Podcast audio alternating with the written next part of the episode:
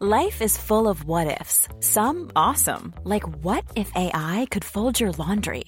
And some, well, less awesome, like what if you have unexpected medical costs?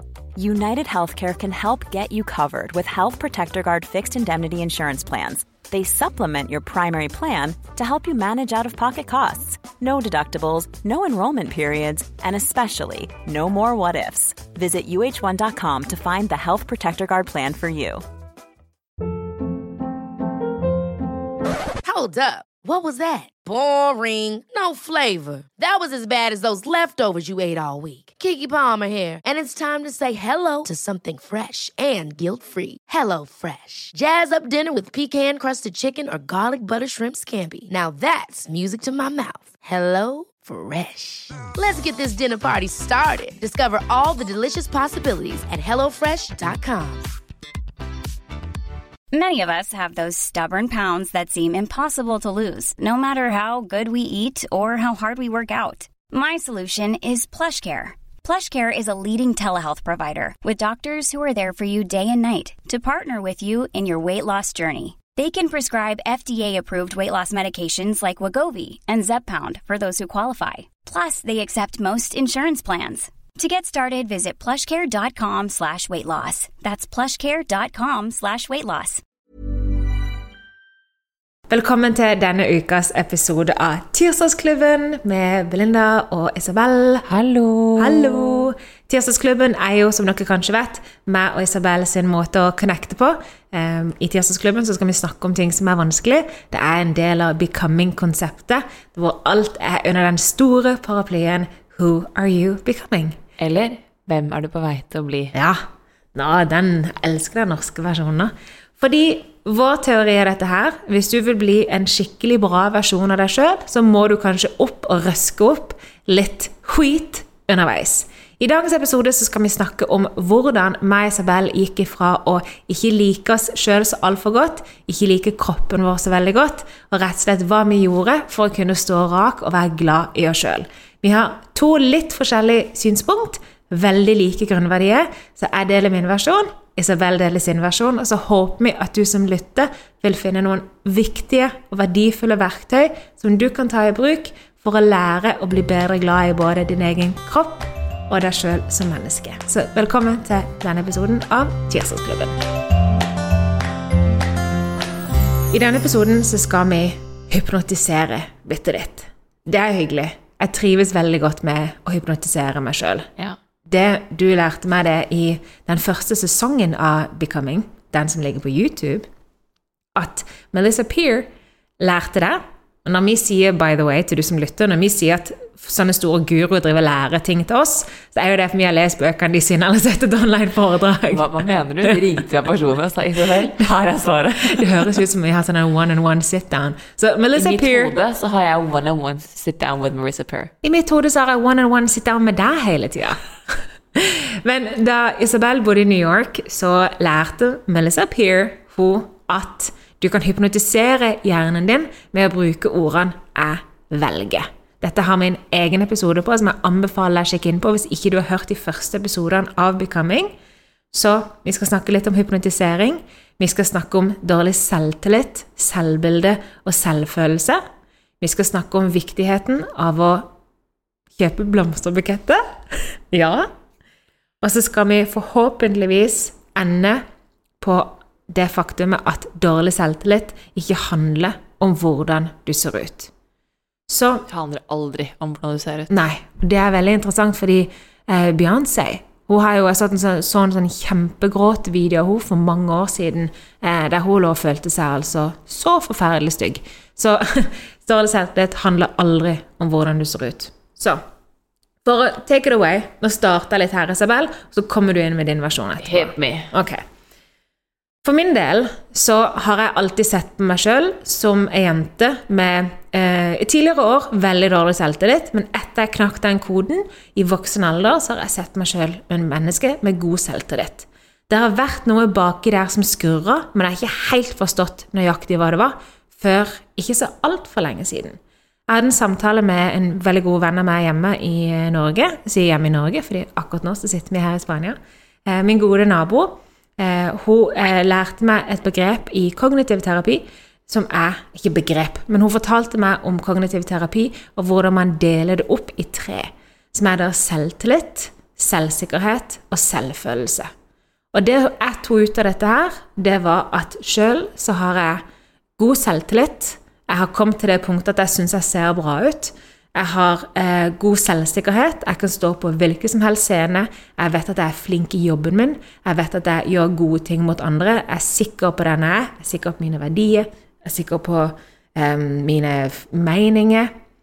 Men når det kommer til selvfølelsen, så har jo jeg gått i veldig mange år og følt innerst inne at jeg er et stort problem for de rundt meg. Så plutselig så raste hele den illusjonen jeg hadde om at jeg er jo selvsikker. Fordi at i bunnen der, i selvfølelsen, så var det så mye som skurra. Så jeg måtte da inn, og det har du hjulpet meg med, det er inn og det jeg jobber med det faktum at jeg ser på meg sjøl som et problem, som kommer fra sår fra veldig tidlig barndom, og jobber med å bygge opp den for at jeg ikke skal agere på den vonde følelsen i voksen alder. Så du som lytter nå, jeg vil invitere deg til å ta et minutt pause, eller skrive ned litt. Jeg håper til nå at du har en egen notatbok dedikert til becoming, eh, og en egen penn dedikert til becoming. Hvis ikke du har det, så blunk, blunk. Kanskje du får Stay noe tuned. Stay tuned. Vi har ikke lov til å si noen ting, men stay tuned. Um, at du håper at, Jeg vil at du skal sette deg ned og skal du skrive litt og hva er det du legger i selvtillit, eh, selvsikkerhet og selvfølelse, og se om det er noen ujevnheter her.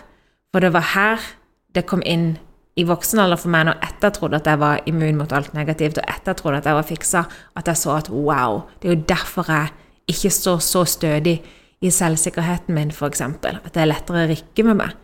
Men før dette her, da jeg både hadde dårlig selvtillit og dårlig selvbilde i tillegg, hvis vi starter der from scratch, når du ikke liker mennesket du er, du liker ikke hvordan du ser ut, du liker ikke dine egne verdier, for de er kanskje ikke sterke nok, eller meningene du hele tida kaster ut, har kanskje ikke nok research bak, det, bak seg, og det er bare mye som skurrer. Jeg husker i 20-årene mine hadde jeg det veldig sånn, og det var i 20-årene jeg begynte å gjøre jobben for å bli et menneske som jeg kunne bli veldig, veldig glad i, og et menneske jeg kunne være veldig stolt av.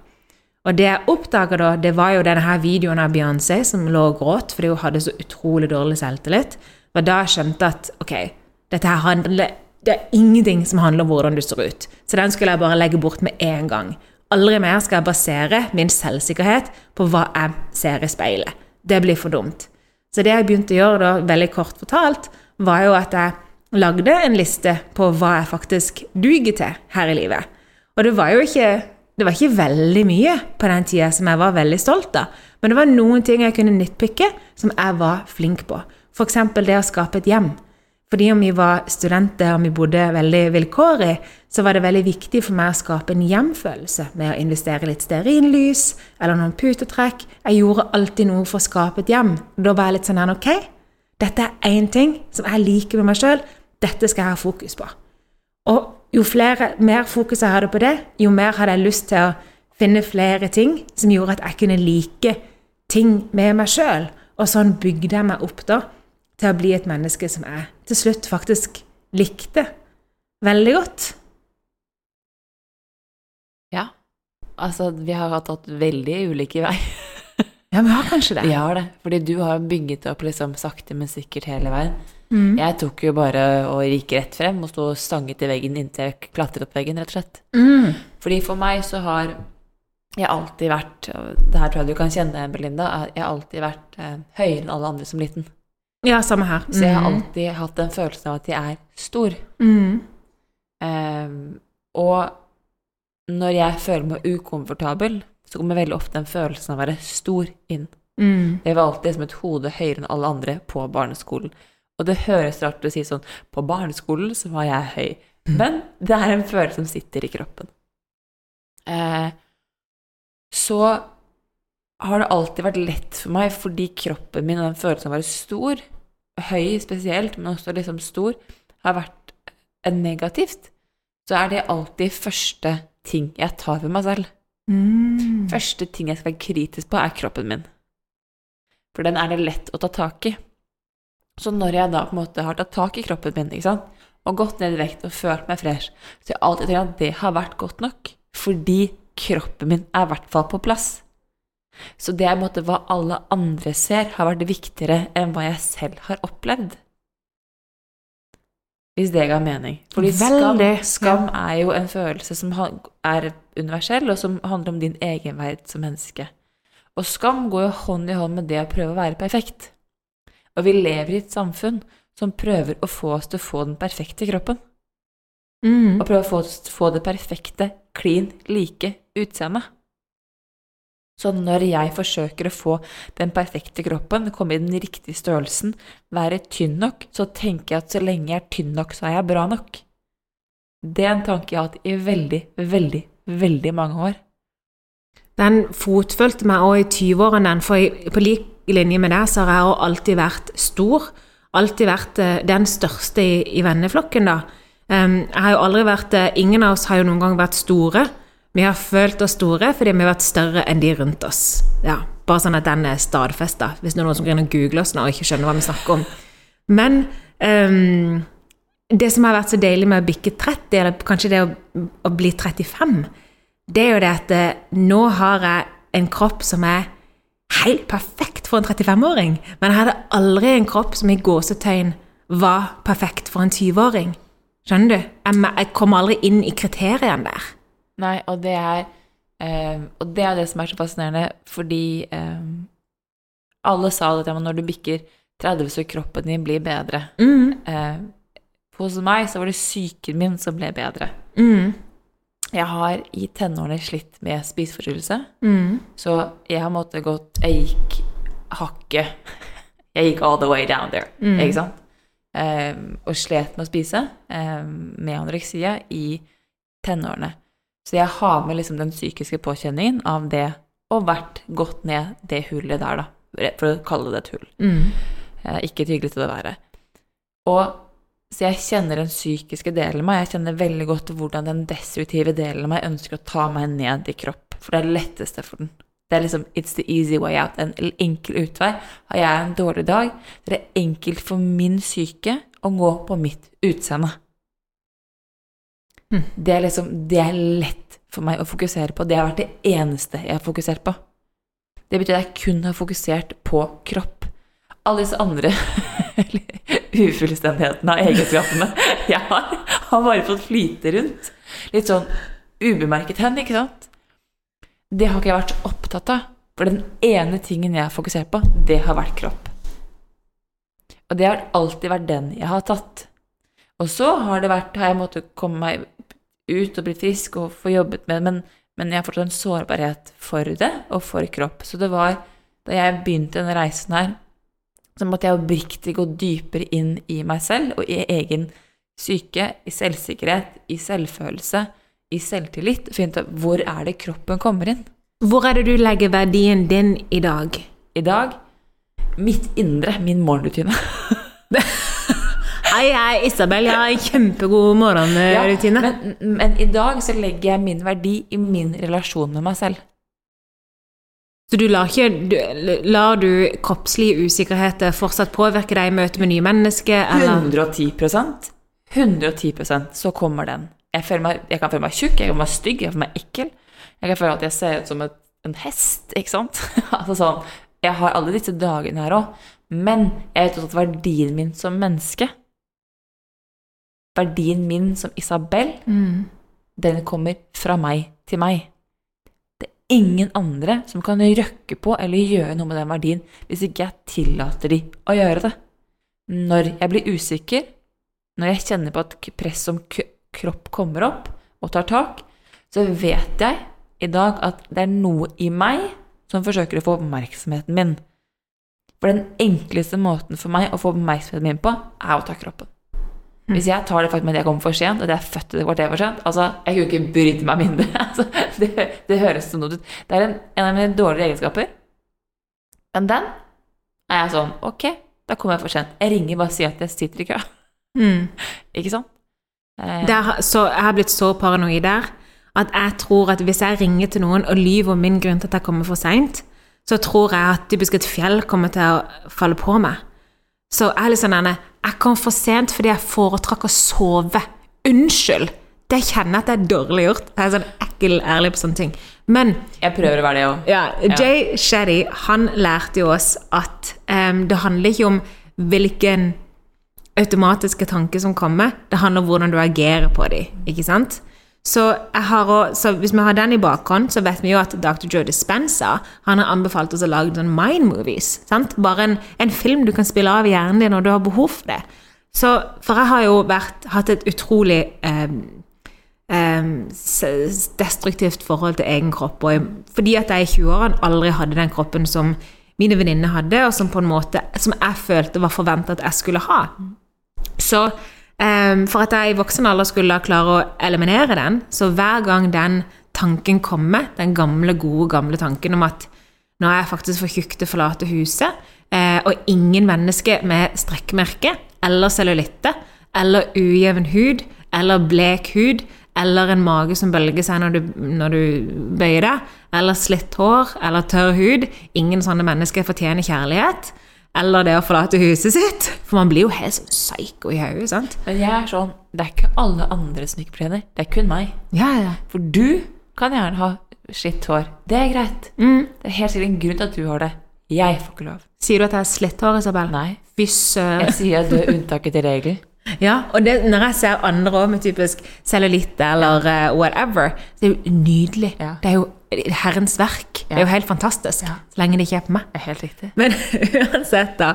Så vi vet at Jay Shetty sier at det handler ikke om hvordan du, eh, hva slags følelser du får, det er hvordan du agerer. Så vet vi jo at godeste Dr. Joe Dispenza sier 'play a mind movie'. Så jeg lagde en mind movie, jeg har snakket om dette tidligere, tror jeg, av min niese som kommer på overnatting til meg. Fordi når jeg åpner den døra, og den nå var da syv år da jeg starta denne mind-movien, så min mind-movie er jo fortsatt syv. Men du, stopp litt. Hva er en mind movie? Hva en Å! For En- folk som er sånn Ok, flott at du nevner et triks her, men er du keen på å liksom fortelle oss hvor trikset ligger? Ok, uh, mind movie, det er en video du spiller av i hodet ditt. En visualisering En visualisering, ja. du la, har laget i hodet ditt, Ja, hvor du enten ser for deg eller kjenner på følelsen av. ja. Du bør egentlig spille av en film i hodet, en visualisering. Det kan være basert på tanke eller ønsketenkning. For de som sliter med å visualisere, Ja. og heller foretrekker å føle, så er det også en fair, fair måte Ja. å gjøre på. Men jeg, jeg har jo Ja, ok, jeg har begge deler. Jeg har jo en video som får meg til å føle. Ja. Så da, for at jeg skulle um, For at jeg skulle lage denne mind-movien, så tenkte jeg først med meg sjøl Når er det jeg føler meg skikkelig, skikkelig bra med meg sjøl?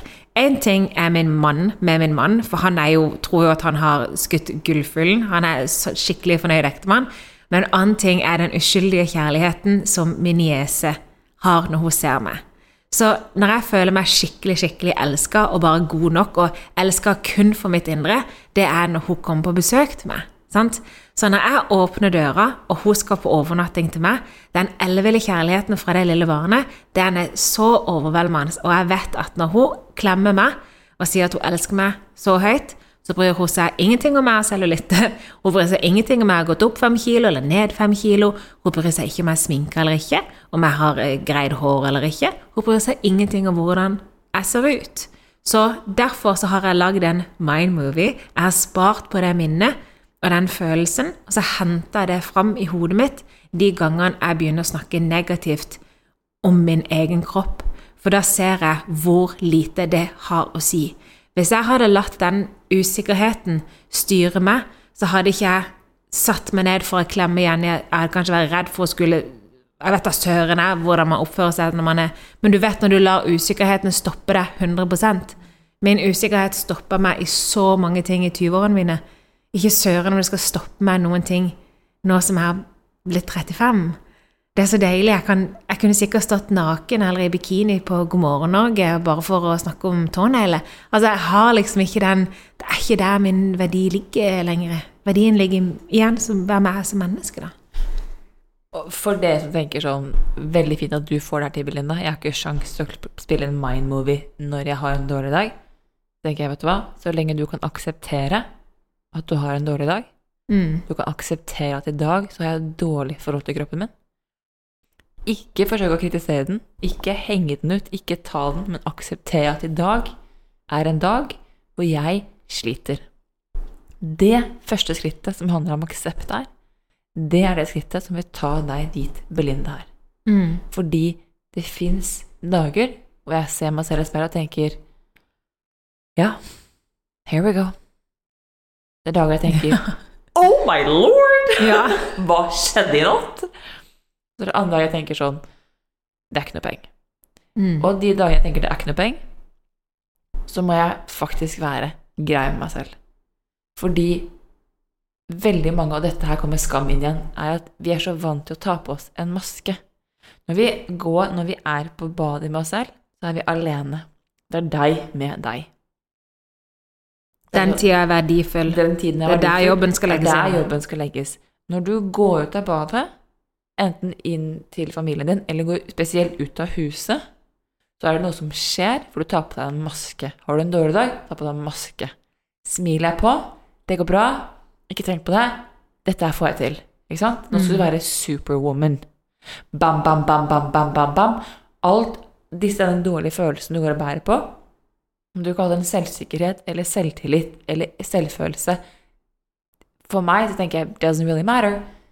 Den følelsen som går og neger på deg hver gang du ser deg selv i speilet på badet når du er på toalettet, det er den følelsen du kommer til å være med deg hele veien tilbake inn på badet før du går og legger, legger deg. Igjen hvor det er deg med deg. Mm. For hver gang du er alene med deg selv, så kommer følelsen. Mm. Men hver gang du er sammen med mennesker, så går det greit. Mm. Fordi de tar på seg en maske. Igjen, her kommer skam, ønsket om å være perfekt. Og vi er i et samfunn som er så ytrestyrt, hvor alle skal være klin like. Og det er så fantastisk fordi Belinda kjøpte en blomsterbukett i dag. Når Til meg går- fra meg. Til Belinda, til, fra Belinda til Belinda. Mm. Hvor det er en liten solsikke. Det, det, det er ikke, det er ikke en solsikke i Hva, hva i all verdens land riker? Den Tror du at det er en solsikke? Det er en ranunkel. Okay. Det er en solsikke. Det er en gul blomst ja, med noe eh, sort inni. For meg så ser det ut som en liten solsikke. La oss ikke, la oss kalle det en solsikke. Jeg er ikke blomsterekspert, så side note. Men en gul blomst som ligner på en solsikke, hilsen Isabel Engla Corneliussen, -hmm. og en oransje rose. Mm. Og det som er at den gule blomsten, raluca, Det er mye Raluca, det er Det er min spikerinne. Okay. Raluca driver ett vask med meg ja, på ok, Instagram. Men hva heter blomsten? Ranunkel. Ranunkel? Ranunkel, nei. Rara kaller den meg nå. Det er mitt kallenavn.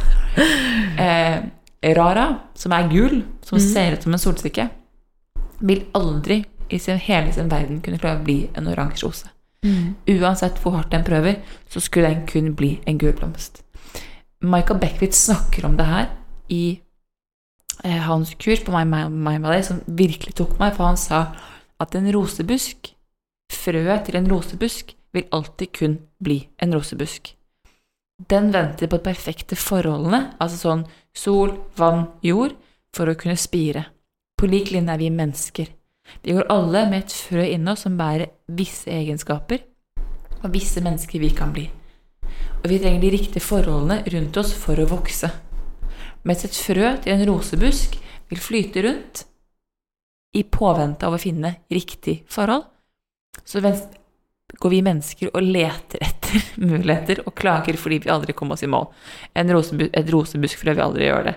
Men når det riktige forholdet blir møtt, så vokser den. Mm. Og da spirer den. Så spørsmålet er ikke hvordan du, en rara gul blomst, skal bli en oransje rose, eller hvordan rosebusken skal bli en solsikke. Spørsmålet er hvordan kan du bli den beste versjonen av deg? Mm. Og hvis det som står mellom deg og den beste versjonen av deg, er kroppen din, og er selvfølelsen og selvsikkerheten og selvtilliten du går og bærer på, da må vi ta tak i det. Og det er, for å være helt ærlig, veldig forståelig at kroppen er og blir et hinder.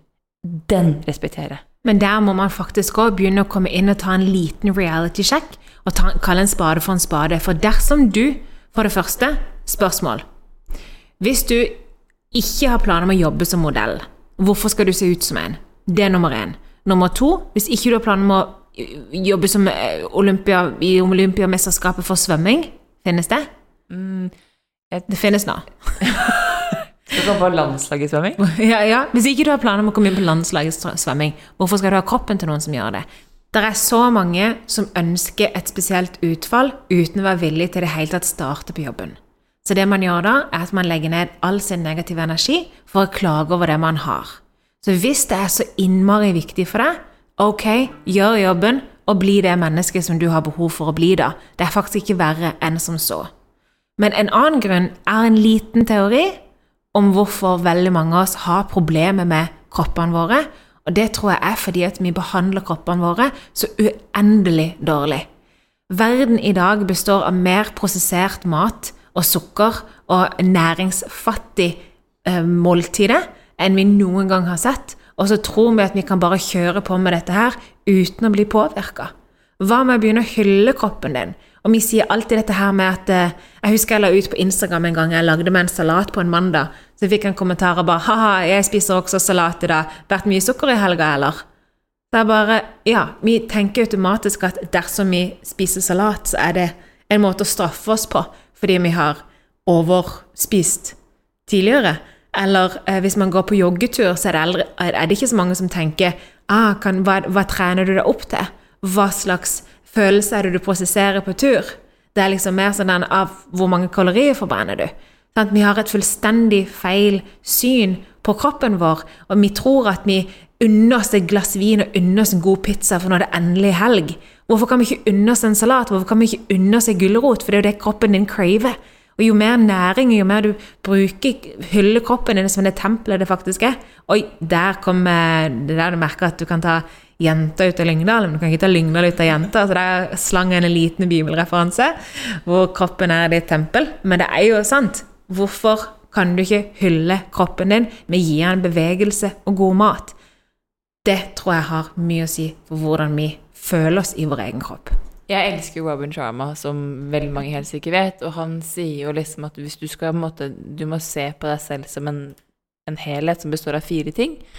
Eh, helse Altså, han snakker på engelsk health set, um, heart set, soul set, um, mindset. Og han sier at du kan ikke jobbe med tankene uten å ta med de tre andre. Da vil du få Det vil ikke fungere, rett og slett. På lik linje, du kan ikke jobbe kun jobbe med selvfølelsen på kroppen din hvis du kun går på fysiske endringer. Du må jobbe psykiske og emosjonelle endringer ved siden av. Samme gjelder mat. Det er et helhetlig bilde. Ken Wilber, som er en hva er han for noe? Eh, fryktelig smart mann, i hvert fall. Filosof. Eh, han eh, dro opp på fjellet i eh, to år, tok med seg de ti beste bøkene i alle områdene i verden, for så sette seg ned og finne liksom én tilnærming til livet som passet alt, ikke sant? For han tok ut det beste av alle ulike områder. Og han sa noe smart som tok meg veldig med storm. Han sa at du kan ikke bruke sannheten i ett område for å avvise sannheten i et annet. Som for eksempel, du kan ikke bruke vitenskap for å avvise sannhet i religion. Du kan ikke bruke religion for å avvise sannhet i vitenskap. Det er begge to delvis rett. Noe er mer rett enn annet, men de har en delvis sannheter i seg. Det kommer vi til nå. Så når du, kommer, når du har en sånn helhetlig, hel bilde på det, hvor kroppen din, hvis du tror du kun går inn og endrer fysisk kropp med diett, med trene mer, med å ikke spise, med å sulte deg i fire uker, ikke sant, disse tingene her, så endrer du ikke det psykiske og det emosjonelle som henger med kroppen. Du, du, prøver, du kan ikke bruke kroppen til å måte, trumfe ut følelser og psyken din. Du har ikke sjans. Du må se på det som det er en delvis ett. Det er ett, ikke sant? Hvis du ønsker en total endring på selvsikkerhet, på selvfølelse, så må du tørre å gå inn på hele området. Og det tar tid, for da skal du rett og slett gå inn, og så skal du revolusjonere hele deg selv. Du skal rett og slett gå inn på badet med deg selv, og så skal alt det du sier til deg selv, følelsen, tanken og utseendet, skal skje en endring med. Og det krever arbeid. Det, så det er noe av det som for meg er så viktig når folk Og som jeg minner meg selv på, er at ok, jeg har en dårlig dag. Er det en følelse jeg har knyttet opp til kropp? Er det en tanke jeg har knyttet opp til kropp? Eller er det kroppen min i seg selv som er dårlig? Alle vet, eh, for jenter der ute som har PMS, så kan det syklusen gjøre noe med oss, ikke sant? Det er det å være litt bevisst disse tingene her. Fordi hva er det i dette, denne følelsen? Jeg sier alltid at følelser kommer med en beskjed. Hva er det følelsen forsøker å fortelle deg? Hvis det eneste du ser på, er kropp som er problem, da vil du aldri finne svaret på bedre selvsikkerhet, selvtillit og selvfølelse. For kroppen er ikke problemet. Det er hva du gjør med den. Mm. Wow. Dette her ble eh, dypere enn det jeg hadde sett for meg, Engelhardt. Takk. Jeg liker det. Ja. Og det er så viktig, og jeg føler Når jeg har vært, eh, jeg har vært på Instagram, jeg har hatt podkaster og jeg har liksom hatt en plattform da i noen år, men jeg har alltid vært så livredd for å snakke om både kropp eller mat eller noe fordi at du Det, det er så lett å Alt er normalt, og alt er bra. Så ikke snakk om noe. Sant? Men samtidig så står jo vi her som individer, som mennesker. Sjøl så, så har jo jeg hatt et anstrengt forhold både til kropp og syke og mat i veldig mange år. Og ingen, jeg har liksom ikke lov til, til å dele mine verktøy uten å, å tråkke Jeg har vært så redd for å tråkke på noen. sant? Det var så fascinerende for meg, fordi da jeg bodde i New York, så startet jeg en, en bokklubb i gymmen eh, med boken The Code of the Extraordinary Mind. Som jeg hadde da en av mine bestevenner, Adam, og så kom en som het John inn. Og John, han var et par år yngre enn meg. Veltrent, altså han bøff, fantastisk flott gutt, ikke sant? Sånn som meg. Eh, Ja, akkurat sånn som deg, bare mannen vår, på litt lavere bare. Og han eh, Begge gutta overrasket meg på en måte hvor usikre de var på eget utseende. Jeg var helt sånn mindblown. Var sånn, Hæ? Tenker dere på hvordan jenter tenker om dere ser ut? Om dere har sex sixpacken? Hæ? Så begynner jeg å snakke mer med John. Så viser det seg at han har hatt en spiseforstyrrelse i ung alder. Han har hatt anoreksia, som er den sykdommen jeg slet med, men anoreksia sies å være en jentesykdom. Gutter får ikke den diagnosen. Og da ble jeg sånn I USA eller i Norge? i USA. Ah. Hæ? Er det virkelig sant? Har vi satt, har vi satt disse eh, bildene på hvordan kropp fungerer for kun jenter, og så har vi glemt gutta? Men fordi alt i dag skal være bra, alt skal være kropp, kroppspositivt, og alt skal være ok. Og jeg tenker at det er fantastisk, vi trenger å eksponeres for mer mangfold. Men hva om vi lærer å jobbe med det som skjer inni oss? Mm. For Jeg kan se så mye kropppositivisme og mangfold hva vi vil, jeg. Det har ingenting å si med den samtalen jeg har i speilet når jeg går og legger meg, eller når jeg står opp. Og det har vi snakka mye om både on and off eh, camera, da. Det med at eh, din Alt det du er, skapes på bakrommet. Så sett at vi står i et eh, utstillingsvindu store deler av livet. Det er når du er på jobb, det er du er blant folk, du er på sosiale medier. Du står og er den versjonen du ønsker at andre skal se av deg. Og når du står alene på det badet på morgen og kveld, det er som du sier, det er da veldig ofte folk eh, ikke klarer å være alene med egne tanker, så de tar på en serie eller en podkast. Godt, godt valg. Kjempebra. Nei, tar på et eller annet form for underholdning eller musikk bare for å ikke være alene med egne tanker. Men hva hvis du tar da og carve out den tida du er på badet, at det skal være din hellige stund, hvor du skal tørre å være med deg sjøl. Du skal tørre å ha de samtalene. Skal tørre å finne ut av hvor er det dette her egentlig plager meg. For min del, med min kropp, så eh, lå plagene mine ikke så mye hvordan jeg så ut, men hvordan jeg behandla kroppen min. Så da jeg endra mine matvaner til å tilsette så mye næring jeg bare kunne i min kropp, så følte jeg at jeg gjorde så mye fint for kroppen og organene mine. At jeg begynte å se meg sjøl i et helt annet syn. Jeg var ikke lenger um, Jeg mishandla ikke kroppen min lenger. Jeg fôra han med alt det som jeg visste at han ville ha. Han. Nå ble kroppen min en han. Det som hun ville ha. Og det har gjort en fantastisk endring hos meg, men hvordan skulle jeg komme til den endringa hvis jeg ikke tørde å ha den samtalen med meg sjøl når jeg står splitter naken helt alene på badet morgen og kveld? Ja, og jeg tenker at så er det veldig mange som kan starte på den samtalen, og så klarer de ikke for de bare gråter. Mm. Og de bare gråter og de bare gråter. De aner ikke hvor de skal starte, fordi den destruktive følelsen, da, den Mm. spiser opp. Og da tenker jeg at vi skal bare sniktitte innom Marissa Pair her, Mm. ordet jeg velger, fordi du har jo liksom klart å snu den, og du har en egen evne Belinda, til å snu ting. Når tiden er inne for deg, så bare skifter du.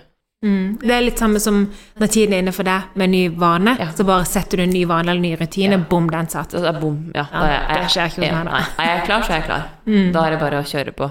Så jeg bruker alltid tid på å finne ut når jeg skal starte, og så starter jeg, så starter jeg. Folk som det er vanskelig å skulle starte, og som kjenner på at følelsen De elsker det vi sier og har lyst til å prøve, men følelsen de selv står med i speilet, blir for tung. Mm.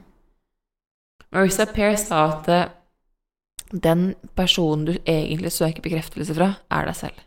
Mm. Det er også den personen vi gir minst bekreftelse til. Hjernen tror på det du sier, fordi hvorfor alle dager skal du lyve til den? Og hvis du prøver å fortelle deg selv noe, så, og du ikke har vært snill med deg selv på veldig lenge, så vil hjernen din ikke tro på deg. Du bruker 21 dager på å endre en tanke, eller på å akseptere en tanke. Du bruker 66 dager på å endre en rutine fullt og helt. Så hvis min automatiske reaksjon når jeg ser meg naken i speilet til dusjen, det er æsj, Ja. feit mage, Ja. så vil ikke hjernen tro på meg når jeg begynner å endre det i morgen. Nei. Det vil ta 21 dager før hjernen begynner å tro på det. Hjernen tro på det, og så må du trene opp. Ja? Hjernen lærer gjennom repetisjon. Ja, så er det 66 dager, da er det satt. Da er det satt. Ja. Så um, sier Marisa Isabel hvis du bruker ordet 'jeg velger' Fordi hvis du gir kommando til hjernen, så kan den nekte.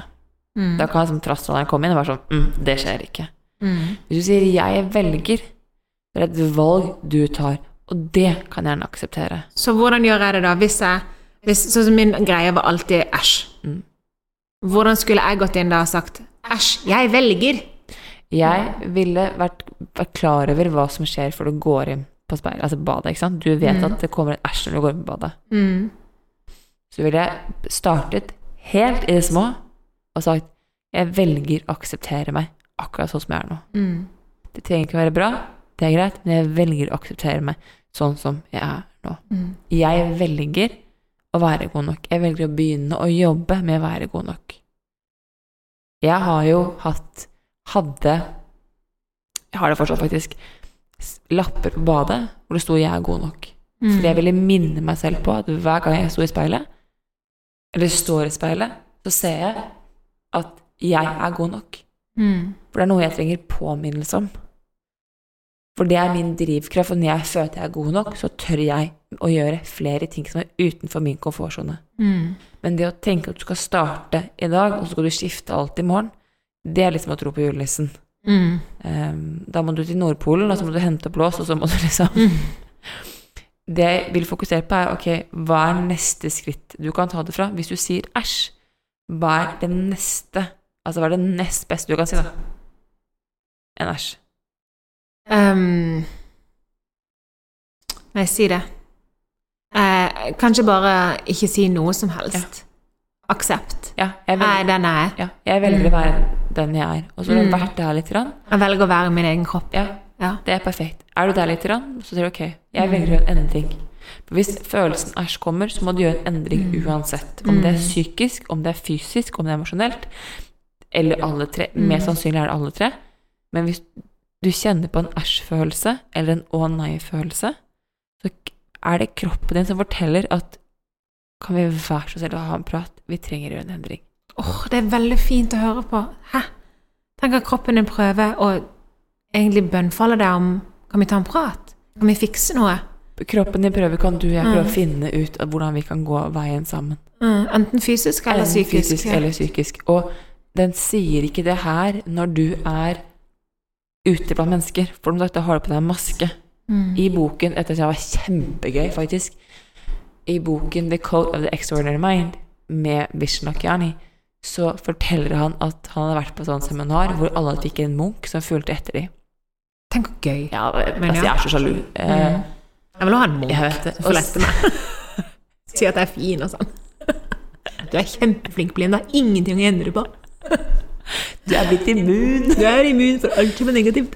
Så eh, siste dagen så tar denne eh, munken med seg Vision inn i et boble, boblekar, og så sier han eh, Nå har jeg observert deg en uke, og jeg ser at du har dårlig selvtillit.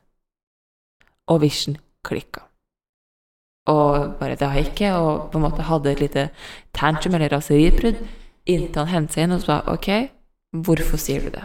Og så forklarer da den munken Division Vision hvordan hans selv, dårlig selvsikkerhet kommer frem eller selvtillit.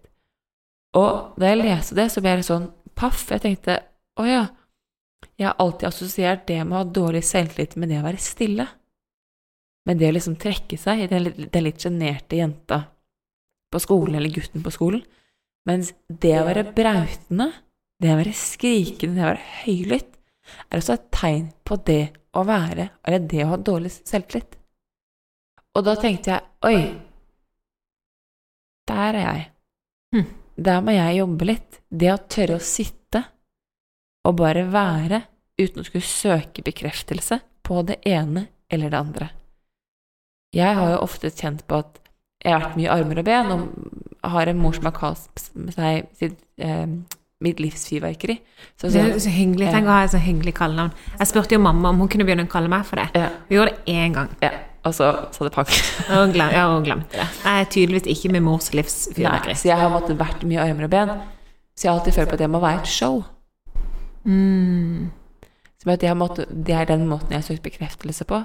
Og da jeg leste, jeg leste den boken her, så tenkte jeg ok, nå krever de seg vel at du faktisk stopper opp og prøver å være stille. Prøv å bare være. Ikke skape, ikke måtte gjøre deg til, men bare vær. Ikke prøv å være noen For jeg prøvde alltid å være den jeg trodde de ville jeg skulle være. Mm. For å være morsom, eller for å skape show, eller For å være den morsomme, fordi hvis jeg var den morsomme, min maske, så slapp jeg kjenne på følelsen som kom innenfra. Mm. Og da slapp jeg å ha den samtalen med meg selv i speilet. Mm. Fordi så lenge jeg kunne ha på den masken min, så var det greit. Men jo oftere du tar den masken av, jo oftere du kjenner på det som beveger seg inni deg, jo tydeligere blir det at du må gjøre en endring. Mm. Og så kommer det et punkt, og dette er den skumle delen, hvor du skjønner at ok, men det er faktisk ingen vei tilbake. Enten så må jeg tørre å gjøre noe, eller så er det dette her det livet jeg skal leve. Mm. For vi har alle Vi har alle et valg. Og jeg skal bare si det, for det har fascinert meg så sykt. Men vi mennesker tar valg hver dag. Veldig mange av valgene går på automatikk. Men vi blir så sykt nervøse og engstelige når vi får beskjed om å ta bevisste valg. Ja, det er veldig sant, det. Mm. Fordi plutselig så kjenner du på en, på en frykt og for det ukjente, for nå skal du begynne å tenke på det valget du tar. Mm. Hvis jeg sier ok, men du spiser jo frokost hver dag. Du pusser jo tennene hver eneste dag. til tennene hver eneste dag. Nå skal du bli bevisst på hva du spiser. Så det får sånn Det kan jeg ikke. Mm. Det går ikke. Det kan ikke jeg tenke på. Så det er som at i det sekundet du skal bli bevisst et, bli bevisst valget du tar, så skurrer det noe. For da kommer frykten for endringen. Mm. Mens det er jo der svaret ligger. Det er jo der svaret ditt forteller at den frykten for endring er faktisk du som ber om at dette er den endringen jeg har spurt om. Mm. Dette er det jeg søker når jeg står og er så utrolig misfornøyd med meg selv i speilet. Mm. Jeg hadde um, Sist jeg sto sånn Så kom det en, en podkast til meg som, som hjalp meg med å, å guide meg gjennom um, alt, det som, alt det som skurra hos, hos meg, da. Men jeg husker at jeg jeg gikk i mange år uten å Jeg visste ikke hvordan jeg så ut naken. Uh, for jeg snudde meg med ryggen til når jeg kom ut av dusjen. Jeg så meg aldri i noe speil. Det var så skummelt. Og så flytta vi inn i et hus, min mann og meg. Uh, hadde ingen problemer med å være naken rundt han, men jeg kunne ikke se meg sjøl. Så flytta vi inn i et hus hvor det var sånn vegg-til-vegg-speil eh, på soverommet på denne. Ja. Og jeg, var, tenkte bare shit, shit, shit, shit, shit, shit, for jeg foretrekker å sove uten klær. Og det var veldig sånn jeg skal jo ut av senga, og jeg sov på den sida av senga som gjorde at jeg måtte liksom ut mot speilet, da. Tenkte jeg, hvor skal jeg se for å unngå å se, så tenkte jeg, kan jeg kanskje jeg skal bytte side, at jeg begynner å sove på den andre sida, sånn at han får sida mot speilet. Så gikk det opp for meg at hvis jeg, hvis jeg er villig til å gå til så store lengder for å unngå å se meg sjøl i speilet, så er det på tide at jeg skal se meg sjøl i speilet. Så jeg begynte sakte, men sikkert med å se deler av meg. Noen ganger så, så jeg litt på beina, og så så jeg på skuldra og armen, og så etter som tida gikk, så turte jeg å se hele meg sitte naken på senga foran dette speilet. Og da når jeg endelig hadde blitt komfortabel med det, eller bare ok med det, så øvde jeg på å se på meg sjøl stående da jeg kom ut fra, fra dusjen. da. Og jeg brukte lang tid, altså vi snakker uke, måneder, på å tørre dette her. for Jeg var vettskremt for hva som kom til å møte meg. Det var faktisk ikke så ille, men jeg var så redd. Så gikk jeg inn da for å prøve å fikse eh, det synet jeg hadde, for jeg hadde jo bare æsj, uff, wow. sant? Men da, da sjokket jeg, jeg fikk et sjokk over at jeg bare var en kvinne i en kropp. Um, og jeg hadde ikke verken you know, tre bein eller fire armer, jeg var bare en kvinne i en kropp. Det var da jeg skjønte at her kan jeg faktisk kunne gjøre gjøre noe. Så jeg uh, skulle gå inn da og snakke pent til meg sjøl. Eh, fortelle noe om kroppen min som jeg likte. Og det eneste jeg fant, som jeg har snakka om tidligere på den, det var jo albuen. Den syns jeg var helt ok. og så begynte det der, og så begynte det å spre seg videre. Men to år seinere så har jeg bytta hus. Eh, ingen speil på soverommet. Jeg står i mitt walk-in. Jeg kler meg naken, for jeg skal inn i dusjen. Så jeg kler meg uten noen speil rundt meg, og så går jeg inn på badet. Skal jeg gå forbi speilet der og inn i dusjen vår. På, når jeg kom, går forbi speilet, så kikker jeg meg kjapt i speilet, bare sånn for der er det. Man gjør det jo nesten automatisk. Så får jeg så sjokk over det jeg ser, fordi at det øyeblikket der var første gang jeg så meg i speilet uten skam, uten å tenke negativt. Jeg var helt nøytral. Og den følelsen var så overveldende lettende at jeg satte meg ned på badegulvet og hulgråt av takknemlighet og lykke. Og siden da så bestemte jeg meg for at jeg skal aldri tilbake igjen der at jeg vil tenke negativt om meg sjøl når jeg ser meg sjøl i speilet. Fordi det for pokker meg bare en kropp. Det er så lite av hvem jeg er, og hva, jeg, hva slags fotavtrykk jeg legger på denne jorda, og hva jeg gjør for menneskene rundt meg. Aldri igjen skal jeg tillate meg sjøl å la hvordan jeg ser på kroppen min, styre det. Så det var sånn en skikkelig skikkelig, skikkelig breaking point for meg. Og det er ikke veldig lenge siden den der gråteanfallet der eh, kom, der jeg bare er nøytral. Og det der er jeg nå. Og jeg tror det er derfor jeg ikke har problemer med å vise jeg kan vise hva enden av kroppen min er, bryr meg ingenting, fordi at jeg er nøytral. Det er ikke min verdi. For deg, altså, Jeg elsker det du sier, for det er helt magisk å komme til at du blir nøytral. For de av dere som kjenner på at Belinda du er så langt foran da, at uh, du har løpt en maraton og på vei til å fullføre triatlon. Jeg er så vidt startet. Så jeg vil jeg faktisk anbefale dere å gå tilbake til episoden som handler om radikal tilgivelse. Mm. Eh, hvor det ligger saker med et skjema. Mm. Med 5% fakta, 95% historien jeg forteller meg selv. For det er noe med å bli klar over den historien du forteller deg selv med kroppen din. Mm. Um, for noen mennesker legger har ikke kommet dit hvor du kan ha klart å skille mellom egenverdi og kropp. Og mm. det er helt greit. Mm. Det Tro meg, jeg brukt tid. det har Belinda også gjort. Ja, dette har gått over år. Det er år. Så hvis du starter nå, så ikke tenk at du skal prøve å gå forbi speilet i morgen og tenke en nøytral tanke, fordi Good luck, Chuck. Kanskje du er den heldige som får det til. Jeg fikk ikke det til. Men for min del så ville jeg gått tilbake til den episoden om radikal tilgivelse hørt på hvordan vi forklarer det skjemaet, gått inn på Instagram, brukt det skjemaet. Gått inn på Instagram? Ja, for der ligger Ja, du har lagt ut på Instagram, på, på Instagram. Uh, ja, at Becoming at the Podcast. Ja. Mm. For å begynne å sette det i en måte Hva er fakta? Hva er det som mm. skjer? Ikke sant? Er det buksen som ikke passer? Eller passer buksen? Hva er følelsen? Mm. Hva er lignende historie jeg har opplevd tidligere? Og hva er det historien jeg forteller meg selv? Det å bli kjent med sin egen negative selvsnakk. For det begynte jeg med. Og det for meg har hjulpet så sykt mye. For når jeg kommer til et sted, det er sånn mm, Kommer den tanken, så kommer den følelsen. Det er på, ned, på vei ned det steget der. Og der vil jeg ikke. Så jeg henter meg inn før. Og det tenker jeg er viktig. Så det å bli kjent med egne tanker, det å bli kjent med ubehaget For meg betyr det at da er du i den ubehagelige følelsen. Som jeg har sagt før, at du kan akseptere følelsen og være i den, så vil den slippe i det sekundet du får beskjed. Ikke at ikke sekundet, men den slipper mye fortere. Uh, jeg lurer på, hvis det er um, stemning for det, så tar vi gjerne opp igjen dette temaet igjen i en senere pod.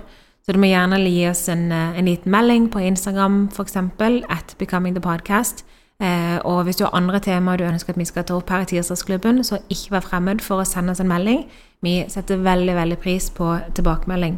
Så fram til neste gang så håper vi at du kan eh, tørre å ta deg selv på alvor, og vite det at du kan faktisk trene opp hjernen til å tenke annerledes om deg sjøl. Husk at dårlig selvtillit handler ikke om hvordan du ser ut. Og um, vi er her uh, every step of the way. Og um, vi syns det er veldig kult at du har lytta så langt som dette, for det betyr at du tør å ta deg sjøl på alvor. Og at du vet at dette er din reise, og din reise alene. Mm -hmm. Så until next time Ha en veldig god uke. Ha det.